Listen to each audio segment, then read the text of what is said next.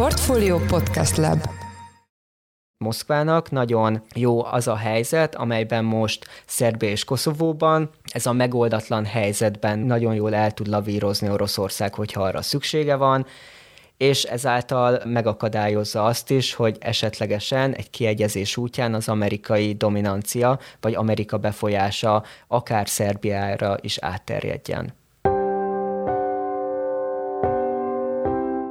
Sziasztok! Ez a Portfolio Checklist szombati különkiadása. Én Gergely András vagyok a műsor mai házigazdája. A következő percekben az ukrajnai invázió árnyékában egyre fokozódó szerb-koszovói konfliktus eszkalálódásáról és egy újabb európai háború kitörésének lehetőségéről fogunk beszélgetni, amely felboríthatná a Balkán évtizedek óta fennálló törékeny rendjét. A témával kapcsolatban a vendégünk Német Ferenc, a Külügyi és Külgazdasági Intézet kutatója. Szia Feri, üdvözöllek a műsorban! Szia András!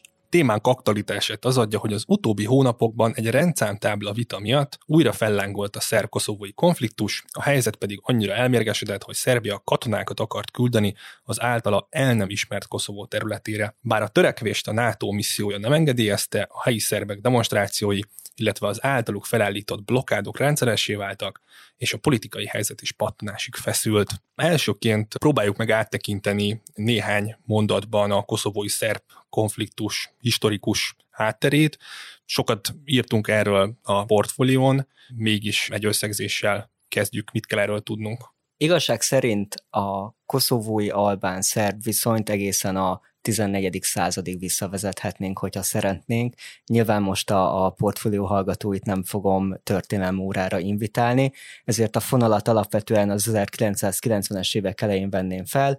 Ez volt ugyebár az az időszak, amikor az egykori Jugoszlávia, mint államalakulat több részre feloszlott, az 1900-as évek első éveiben kisebb részt Szlovéniában, de főleg nagyobb részt Horvátországban és a mai Bosznia-Hercegovina területén voltak fegyveres harcok, amelyek által ezen országok elnyerték függetlenségüket, és ebből az 1990-es évek elejé folyamatokból kimaradt Koszovó egészen az évtized végéig.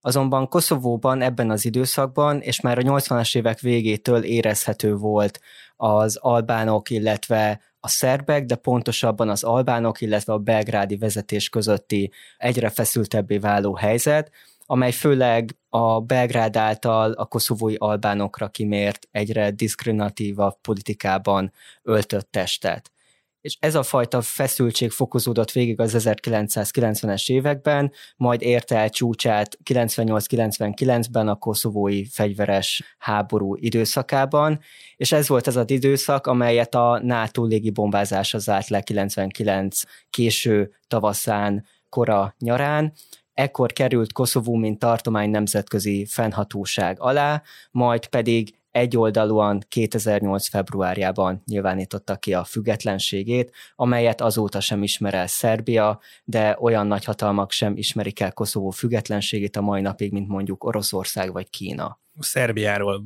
valószínűleg a portfólió hallgatóinak is sokkal több ismerete van, mint Koszovóról. Mit kell tudni erről a pár százezer lakosú és viszonylag kis területű országról, ugye Magyarország egyébként elfogadja a független Koszovónak a létét, milyen nemzetiségű lakosok alkotják, milyen a gazdasága, milyenek a politikai viszonyai ennek az országnak. Koszovó egy nagyon kicsi ország, tehát hogyha össze kellene hasonlítani, akkor azt mondanám, hogy Bosodaboly, Zemplén, illetve Nógrád megye összessége alkotja Koszovó területét.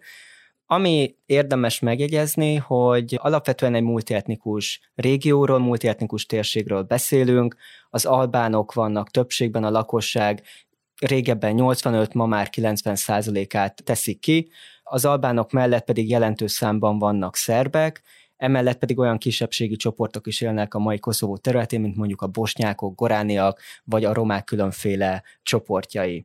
Ami a gazdasági helyzetet illeti, Koszovó tartomány mind Jugoszlávia alatt, mind pedig Koszovó, mint független ország. A múltban és a jelenben is a régió egyik legszegényebb, legelmaradottabb országa, jelentős a munkanélküliség, ez különösen a fiatalokat sújtja, illetve nagyon nagy az úgynevezett koszovói albán diaszpóra, tehát azok száma, akik a gazdasági helyzet, a gazdasági kilátástalanság miatt külföldön, elsősorban Svájcban, Németországban vagy Ausztriában keresnek munkavállalási lehetőséget, ott telepednek le, és az otthon lévő családtagjaikat hazautalások útján támogatják gazdaságilag. Milyen a koszovói belpolitika? A koszovói belpolitika egészen 2020-ig, 2021-ig meglehetősen hektikus volt. A függetlenedés után egymást nagyon sok kormány váltotta, ezek mindegyike instabil volt. Egy olyan kormánya se volt Koszovónak a függetlenségének kivívása után, amelyre azt mondhattuk volna, hogy kitöltötte a négy éves mandátumát, tehát nagyon sok kormány váltotta egymást, instabilitás jellemezte politikailag az országot, azonban 2021-től az Albin Kurti vezette kormánynak nem csak, hogy kormánytöbbsége van a jelenlegi politikai palettán, de az elnök Vjosa Osmani is a kurti féle politikai párt egyik leágazásából került ki, ami szintén nagy legitimációt ad a politikai vezetésnek. 2008-ban egyoldalúan kikiáltotta a függetlenségét az ország, 2013-ban pedig EU közvetítéssel egy szerb-koszovói megállapodást kötöttek a kölcsönös együttélés és az esetleges közeledésnek a jegyében. Mi történt az ezt megelőző öt évben, illetve ez a megállapodás, ez pontosan mit tartalmaz, illetve mennyire tartják ehhez magukat a felek? Amikor Koszovó 2008 elején kinyilvánította a függetlenségét, akkor már látszott, hogy ebben a kérdésben, tehát a szerb-koszovói viszony rendezésében nem lesz egy hamar válasz. Még akkor sem, hogyha a nemzetközi közösség tagjai, elsősorban az USA-ra gondolok, vagy az EU-ra jelentős nyomásgyakorlást mérnek Belgrádra és Pristinára, Viszont azzal, hogy kinyilvánította a Koszovó a függetlenségét, számos olyan kérdés merült fel, amely rendezetlen maradt. Ilyen kérdésekre kell gondolni, mint például, hogy a koszovói állampolgárok hogyan jutnak át Szerbiába, őket a bíróság előtt kiképviseli, vagy egyáltalán a diplomáikat melyik ország, jelen esetben Szerbia elismeri -e. Ezekre a jogbiztonságot érintő, illetve az átlagemberek mindennapjait azért elég kardinálisan érintő kérdésekre kívánt az EU egyszer mindenkorra választ adni, amikor is életre hívta az úgynevezett brüsszeli dialógust, amelynek az egyik aktusa éppen a már említett 2013-as megállapodás volt, amelynek alapvetően az volt a célja, hogy az Észak-Koszovó területén élő szerb közösségeket integrálja a központi szervekbe. Tehát, hogy az ő rendőri szerveik és megfelelően integráltak legyenek a központi Pristina vezette rendőri erőkbe, az Észak-Koszovó területén található bírósági rendszereket is integrálta a központi rendszerekbe, tehát ezáltal tényleg mondhatni megnőtt az Észak-Koszovó területén élő állampolgárok, de úgy általánosságban a koszovói állampolgárok jogbiztonsága és élethelyzete is, de nyilván a kép nem ilyen felhőtlen, és nem happy endingről beszélhetünk ebben az esetben sem, ugyanis maga a megállapodás, mind a 13-as, mind az azt követő megállapodások nagyon sok olyan részmegállapodást tartalmaznak, amelyeket valamelyik fél, vagy akár mindkét fél nem hajtott végre. Ezek továbbra is lógnak a levegőben, és az elmúlt hónapokban többször is a mindkét oldal a másikat vádolta azzal, hogy ezen megállapodások végre nem hajtásával gátolja a normalizáció végbe menetelét. Tehát maga a brüsszeli dialógus ért el sikereket, számos olyan megállapodás született, amelyet a felek végrehajtottak, viszont a problémát az jelenti jelenleg, hogy nagyon sok a végrehajtatlan megállapodás, és nem igazán látszik politikai akarat egyik oldalról sem, hogy ezen megállapodásokat végrehajtsák pontosan mi eszkalálta az elmúlt időszakban az amúgy is feszült helyzetet. Ez az egész rendszámtábla vita, ez mennyire tekinthető csak egyfajta ürügynek, az újabb politikai ellenérzések megnyilvánulásaként, mennyire tekinthető ez egy komoly vitának, és egyáltalán ki lehet jelenteni azt, hogy a két fél közül melyik a hibás, vagy melyik a hibásabb mondjuk abban, hogy a különböző megállapodások nem igen vannak betartva. Én alapvetően mindkét félben keresném a problémát arra vonatkozóan, hogy továbbra sincsen olyan hosszú távú megalapodás, amely a szerb-koszovói viszonyt rendezni képes. Alapvetően az Albin Kurti vezette kormány, illetve maga Kurti személye, illetve a szerb elnök Alexander Vucic nem igazán kompatibilisek egymással, hogyha fogalmazhatok így. Mindkettőjük politizálását és politikáját áthatják az érzelmek, Mindketten a 90-es években aktív szerepet vállaltak, Vucic az akkori Milosevic vezette rezsimben, míg Kurti diáktüntetések feje volt, a szerb elnyomás ellen tüntetett, sőt, szerb börtönben is volt három évig, tehát azért ez csak akarva akaratlanul rányomta mindkettejük politizálására a súlyt, illetve arra, hogy hogyan viszonyulnak egymáshoz, hogyan viszonyulnak a Szerbiához, illetve Koszovóhoz a politikusok.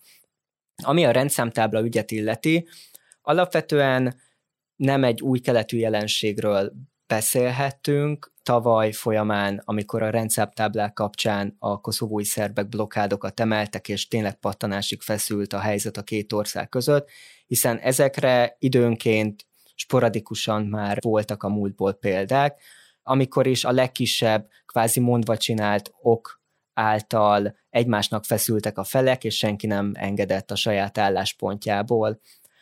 Ami azonban talán újdonság lehet, az az, hogy mindkét fél jelenleg keresi a nemzetközi közösség redlányait. Tehát azokat a feltételeket vagy vonalakat, amiket még kitolhatnak, ameddig még elmehetnek, legyen az akár mondjuk szerb félről az, hogy a hadsereg egy jelentős részét a koszovói határig vezényeljék, vagy esetleg megpendítsék azt a gondolatot, hogy szerb visszatérjenek Koszovó területére, és ez a folyamat az, ami, ami engem szakértői szemmel eléggé nyomaszt, és én erre a trendre figyelek a következő években is, hogy meddig megy el mindkét fél.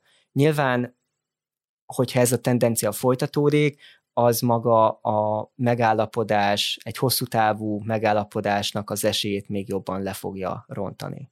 Mennyire érdekeltek a felek, és itt most egész konkrétan egyébként inkább politikára vagy pártpolitikára gondolok, mennyire érdekeltek a megegyezésben? Ugye az előbbiekben te is beszéltél arról, hogy a két ország vezető politikusa mennyire tűz és víz, mindkettejük politikai hitvallásában ugye egy kiemelt szerepet kap a másik országgal való szembenállás.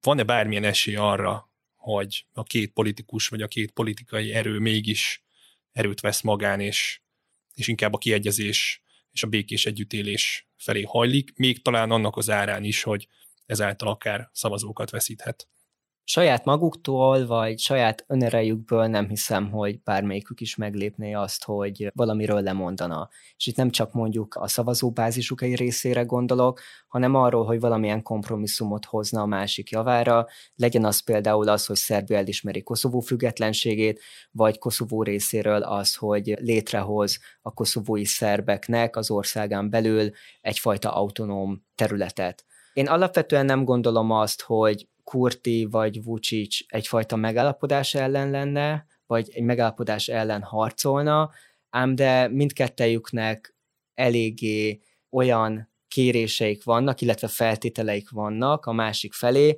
amelyek kölcsönösen kizárják egymást. Tehát tényleg nagyon leegyszerűsítve, Koszovó a függetlenségének elismerésében látja a normalizációs folyamat végét, még Szerbia számára ez egy olyan vonal, amit nem fognak, illetve nem kívánnak átlépni.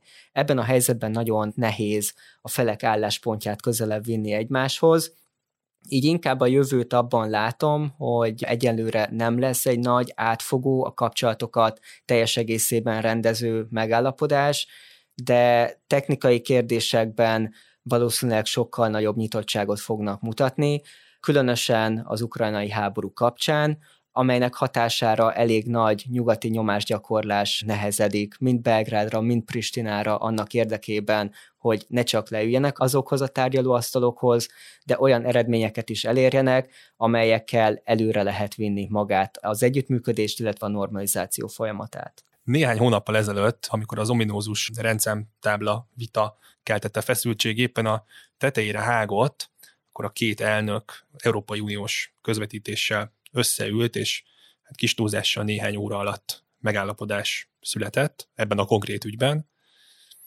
Az, hogy ez ennyire gyorsan meg tudott valósulni, ennyire könnyen kezet rázott a két elnök, ez mennyire árazza be a jelen konfliktusnak a komolyságát?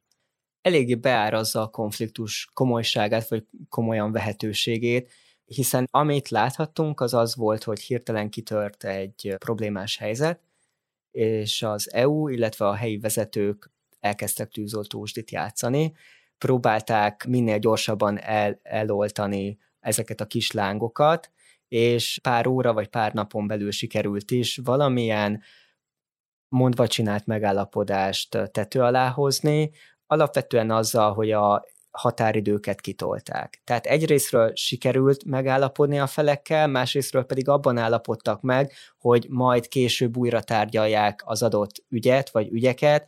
Tehát ezzel igazából véleményem szerint nem igazán történt jelentős megállapodás, vagy nem tettek pontot az ügy végére, csak megállapodtak abban, hogy majd x hónap vagy x év múlva újra tárgyalják, és emiatt már garantálható, hogy ahogy majd közeledünk ahhoz az új határidőhöz, hasonló kisebb lángok újra keletkezni fognak Koszovóban vagy Szerbiában. Ebben az egész konfliktusban vélhetünk-e felfedezni valamilyen nagyhatalmi játszmát, ugye Szerbia egyértelműen Oroszország hát legkitartóbb barátja még a jelenlegi invázió mellett is, és nem hajlandó szankciókat bevezetni nyugati és amerikai nyomás ellenére sem.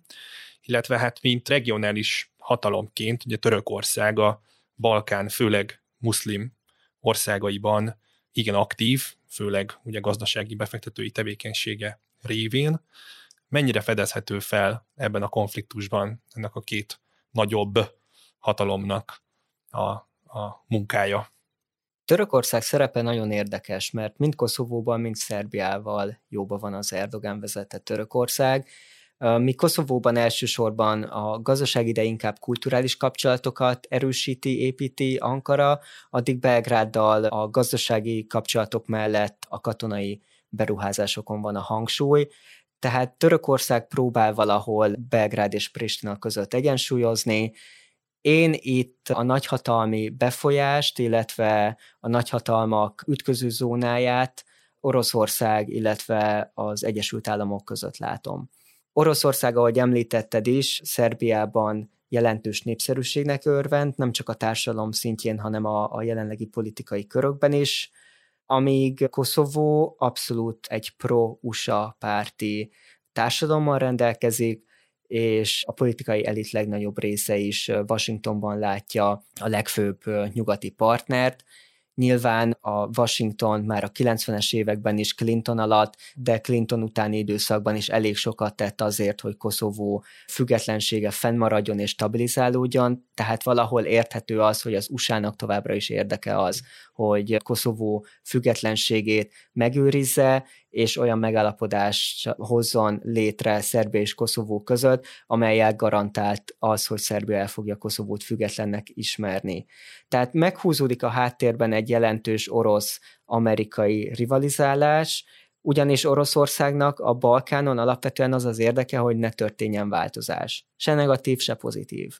Neki, mármint Moszkvának nagyon jó az a helyzet, amelyben most Szerbia és Koszovóban ez a megoldatlan helyzetben nagyon jól el tud lavírozni Oroszország, hogyha arra szüksége van, és ezáltal megakadályozza azt is, hogy esetlegesen egy kiegyezés útján az amerikai dominancia vagy Amerika befolyása akár Szerbiára is átterjedjen. Korábbi nyári műsorunkban ahol a Balkán Európai Uniós integrációjával foglalkoztunk, és szintén te voltál a vendégünk. Egy külön blokkot szenteltünk a magyar szerepvállalásnak a régióban, és hát most is erre lennék kíváncsi, hogy Magyarország milyen szerepet tölt, vagy tölthet be akár a konfliktus rendezésében. Ugye a NATO egy több ezer fős békefenntartó egységet működtet Koszovóban, ennek KFOR a rövidítése, nem is olyan régen, egy évig ennek magyar vezetője volt. Ugyanakkor a napokban a magyar kormány egy szerb államközi egyeztetést követően kijelentette, hogy Koszovó Európa tanácsi felvételét adott esetben nem támogatná. Talán ez egy kicsi ellentmondásosnak tűnik a laikus hallgató vagy kérdező számára. Kérlek, hogy világítsd meg a magyar álláspontot, vagy a magyar szerepvállásnak a lehetőségét ebben a konfliktusban. Szakértői szemmel is elég ellenmondásos ez a kép, hiszen Magyarország az egyik legnagyobb támogatója annak, hogy a térség országai, köztük Koszovó egy napon lehetőleg minél hamarabb az Európai Unió teljes tagjai legyenek. Ennek érdekében pedig hogyha Magyarország, Koszovó, illetve Bosznia-Hercegovina politikáját nézzük, akkor a stabilitás garantálása, annak fenntartása kulcsfontosságú. Ezért is nagy diplomáciai siker volt az, hogy Kajári Ferenc vezérőr nagy személyében egy évig magyar parancsnok állt a Káfor élén, illetve jelenleg is Magyarország adja a harmadik legnagyobb katonai hozzájárulást az amerikaiak és olaszok után a KFOR személyzetéhez. Tehát ebből látszik, hogy ez az elkötelezettség Koszovóban a stabilitás béke garantálásának érdekében megvan. Másrészt azonban azt is látni kell, hogy a magyar-szerb kapcsolatok sosem voltak még ennyire jók, gondoljunk akár a legfelsőbb szintekre, vagy arra, hogy az ország vezetői vagy vezető politikusai között milyen gyakran vannak találkozók, és ebben a környezetben Magyarország egyenlőre nagyon szépen lavírozott, tehát ahol tudta, és továbbra is tudja, segíti Koszovó uniós integrációját, vagy a békének és biztonságának garantálását, miközben egyre erősebb politikai és gazdasági kapcsolatokat ápol Szerbiával, és éppen ezért, mint szakértő tartom, egy kicsit elhibázottnak azt, hogy ennyire nyíltan Koszovó Európa tanácsi tagsága ellen tettük le a voksunkat, különösen annak fényében, hogy a tagsági felvétel végső soron nem Magyarország szavazatán fog múlni, az Európa Tanácsba való felvételhez a Európa Tanács 46 tagállamának kétharmados beleegyezése szükségeltetik, tehát az, hogy Magyarország nem fogja támogatni Koszovó tagságát a szervezetben, az a végső soron nem fogja befolyásolni Koszovó felvételét, ám de a magyar-koszovói kapcsolatokra biztosan sajnos negatív kihatással lesz, hiszen azért a politikusok egy ilyen megjegyzésre, különösen egy olyan országra, amely ilyen töretlenül támogatja a térség és Koszovónak is a, az euróatlanti struktúrákba való integrálását, azért erre felfigyelnek és megjegyzik. A mostani konfliktus eszkalálódása az esetleg mennyire törheti meg az egész Balkán hát igen törékeny rendjét, és itt elsősorban a, hát az albán nacionalisták által dédelgetett ilyen nagy albán vízióra gondolok, ugye ráadásul Albánia és Koszovó, hogyha jól tudom, akkor valamilyen vámunióban van egymással, Montenegróban is jelentős albán kisebbségél, Észak-Macedóniában még nagyobb albán kisebbségél, egyébként tudtam a pont a 98-99-es koszovói háború menekültjeinek leszármazottai, mennyire kell tartania az egész Balkánnak attól, hogy adott esetben az albán expanzió az valamilyen államformában öltestet. Én mindig azzal szoktam kezdeni, hogy alapvetően, tehát így a 21. században azért a, a legtöbb határmódosításhoz a nagyhatalmak beleegyezése szükséges. Tehát, hogyha nincs meg mondjuk adott esetben az USA vagy Oroszország beleegyezése, a határok módosításához történjen az akár erőszakos úton, vagy diplomáciai csatornákon keresztül, abban az esetben nem beszéltünk arról, hogy lesz határmódosítás.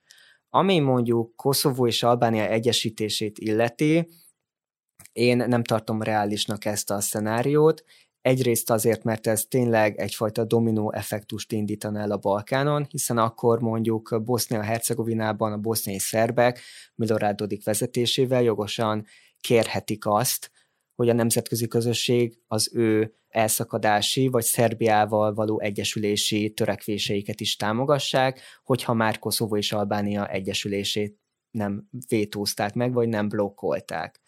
Másrésztről ez már inkább a technikai oldalhoz tartozik. Abban az esetben, hogyha Albánia vagy Koszovó egyesülne, érdemes lenne megnézni azt, hogy ki vezetné ezt az országot. A tiranai elit, vagy a pristinai elit. Nem hiszem azt, hogy a ketten együtt, tehát a tiranai vezetés és a mindenkori pristinai vezetés olyan szépen harmóniában tudná ezt az új albán, nagy albán államalakulatot elvezetni. Elég sok rivalizálás van egyébként Kurti és Edi Rama albán miniszterelnök között is, tehát már csak úgymond ilyen technikai vagy hatalomgyakorlási szempontok alapján sem tartom reálisnak a két ország egyesülését. Harmadrésztről pedig az valóban igaz, hogy a társadalomnak mind Albániában, mind Koszovóban, mind mondjuk az észak-macedóniai albán vagy montenegrói albán közösség körében van egy jelentős része, amely támogatná a főleg albán lakta területek egy országban való egyesülését, ám de hogyha megnézzük azt, hogy a politikai elit ezt támogatná, akkor nekem kétségeim lennének afelől, főleg afelől, hogy a tiranai elit mennyire támogatná azt, hogy Koszovóval egyesüljön az országa.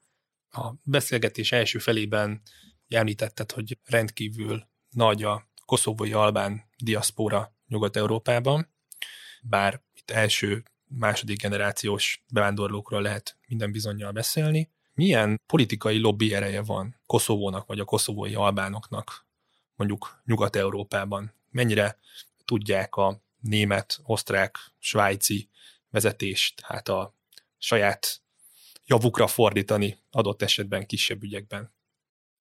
Alapvetően a, a koszovói albán diaszpóra még a jugoszláv időkben vándorolt ki ezekbe a főleg német ajkú európai országokba, illetve mondjuk Franciaországba, és nagyon jól integrálódtak az ottani társadalmakba. Tehát ahogy említetted, mostanra felnőtt a második, harmadik generáció, aki második, hanem első anyanyelveként beszéli mondjuk a németet, a svájci németet, vagy a franciát, és mellette mondjuk otthon még aktívan beszélik az albán nyelvet, minden nyáron hazalátogatnak pár hétre Koszovóba vagy Albániába, tehát egyrésztről nagyon jól integrálódtak a társadalmakba, másrésztről azért nagyon erősen tartják a kapcsolatot a gyökereikkel. Ez nagyon jól megmutatkozik például abban, hogy a svájci foci csapatban is azért van két elég jó koszovói albán gyökerekkel rendelkező játékos, de ami a politikát illeti, a koszovói albán diaszpórának mindenképpen van politika befolyásoló ereje,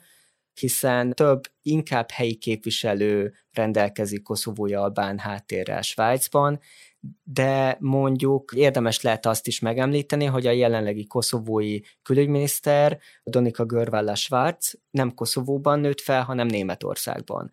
Tehát azért megvannak már ezek a, a családi politikai kapcsolatok nem csak ahhoz, hogy jobban tudják Koszovóban tartani a kapcsolatot, de akár az üzenetük eljusson magasabb szintekre is, mondjuk a Bundestag szintjére. Látsz arra bármi esélyt, hogy olyan fegyveres konfliktus alakuljon itt az ukrán invázió árnyékában, amely hát akár ilyen technikai háborúnak is nevezhető, nem pedig adott esetben határvillongásnak, vagy pedig ez abszolút elképzelhetetlen? Elképzelhetetlennek tartom, alapvetően azért, mert mindenkinek nem csak Koszovóban és Szerbiában, de úgy általánosságban a Balkánon azért elég éles emlékeik vannak a 90-es évekről. Tehát a koszovói háború 1998-99-ben 20 pár éve volt. Mostanában mondhatjuk azt, hogy felcsöperedett az az első generáció, akiknek nincsen közvetlen élménye a háborúról, vagy arról, hogy harcolniuk kellett, vagy arról, hogy menekülniük kellett biztos vagyok benne, hogy senki nem kívánja újra átérni a háború szörnyűségeit, másrésztről pedig senki nem szeretne újra nemzetközi szankciók és gazdasági embargók között létezni, vagy több mint tíz évig élni, ugyanis az egész 90-es években Jugoszlávia, az akkori Koszovót is beleértve, ENSZ gazdasági embargók alatt idézőjelbe működött gazdaságilag, ahogyan tudott, és ezek az emlékek megvannak a mai napig is az emberekben. És ezek az emlékek az ukrajnai háború kitörésekor visszajöttek, az emberek tudatába, és előjöttek ezek a reflexek, hogy most kellene gyorsan a bankba menni és kivenni a megtakarításunkat, mert emlékeztek arra, hogy a 90-es években egyik napra a másikra deflálódott el a pénzük értéke a bankban, vagy a bankból nem tudták már kivenni a, a megtakarításaikat. Szóval, hogyha valamelyik régió érti vagy át tudja érezni azt a helyzetet, ami most Ukrajnában van, az mindenképpen a, a, az egykori Jugoszlávia lenne, és emiatt is mondom azt, hogy Koszovó és Szerbia között, még hogyha politikai szinten megy a háborúval való riogatás, és erre azért a nemzetközi közösség jogosan felfigyel, de annak realitása, hogy bármelyik fél is a másik valamelyik mozdulatát kvázi kasszus beliként értelmezze, arra nagyon kevés az esély. Egyszerűen sem politikailag nem éri meg, se Koszovónak, se Szerbiának, se gazdaságilag, és a társadalom se kíván egy újabb fegyveres háború áldozata lenni. Ha nem fegyveresen, akkor békésen. Mégis milyen megoldás lehet erre a konfliktusra. Ugye gyakorlatilag az elmúlt több mint fél órában arról beszéltünk, hogy hogy nem lehet megoldás. Mégis mi lehet az a kompromisszum, amely mondjuk lehetővé tenni az euróatlanti integráció felgyorsítását, a népek közti békét, és egy szebb világ létrejöttét a, a Balkánon. Alapvetően én azt mondom, hogy mindkét félnek be kell vállalni a kompromisszumokat valamiről le kell mondani, Például Koszovó esetében Koszovónak be kell vállalnia azt, hogy a helyi szerbeknek létrehozza az úgynevezett szerbtöbbségű önkormányzatok szervezetét, tehát egy kvázi autonómiát ad a helyi szerbeknek, míg Szerbiának valahol, valahogyan el kell ismerni azt a politikai realitást, hogy Koszovó függetlensége adott, visszafordíthatatlan, Koszovót nem tudja Szerbia semmilyen úton, módon, különösen nem békés keretek között visszaintegrálni a területébe. Ehhez azonban az első vagy talán nulladik lépésnek annak kellene lennie,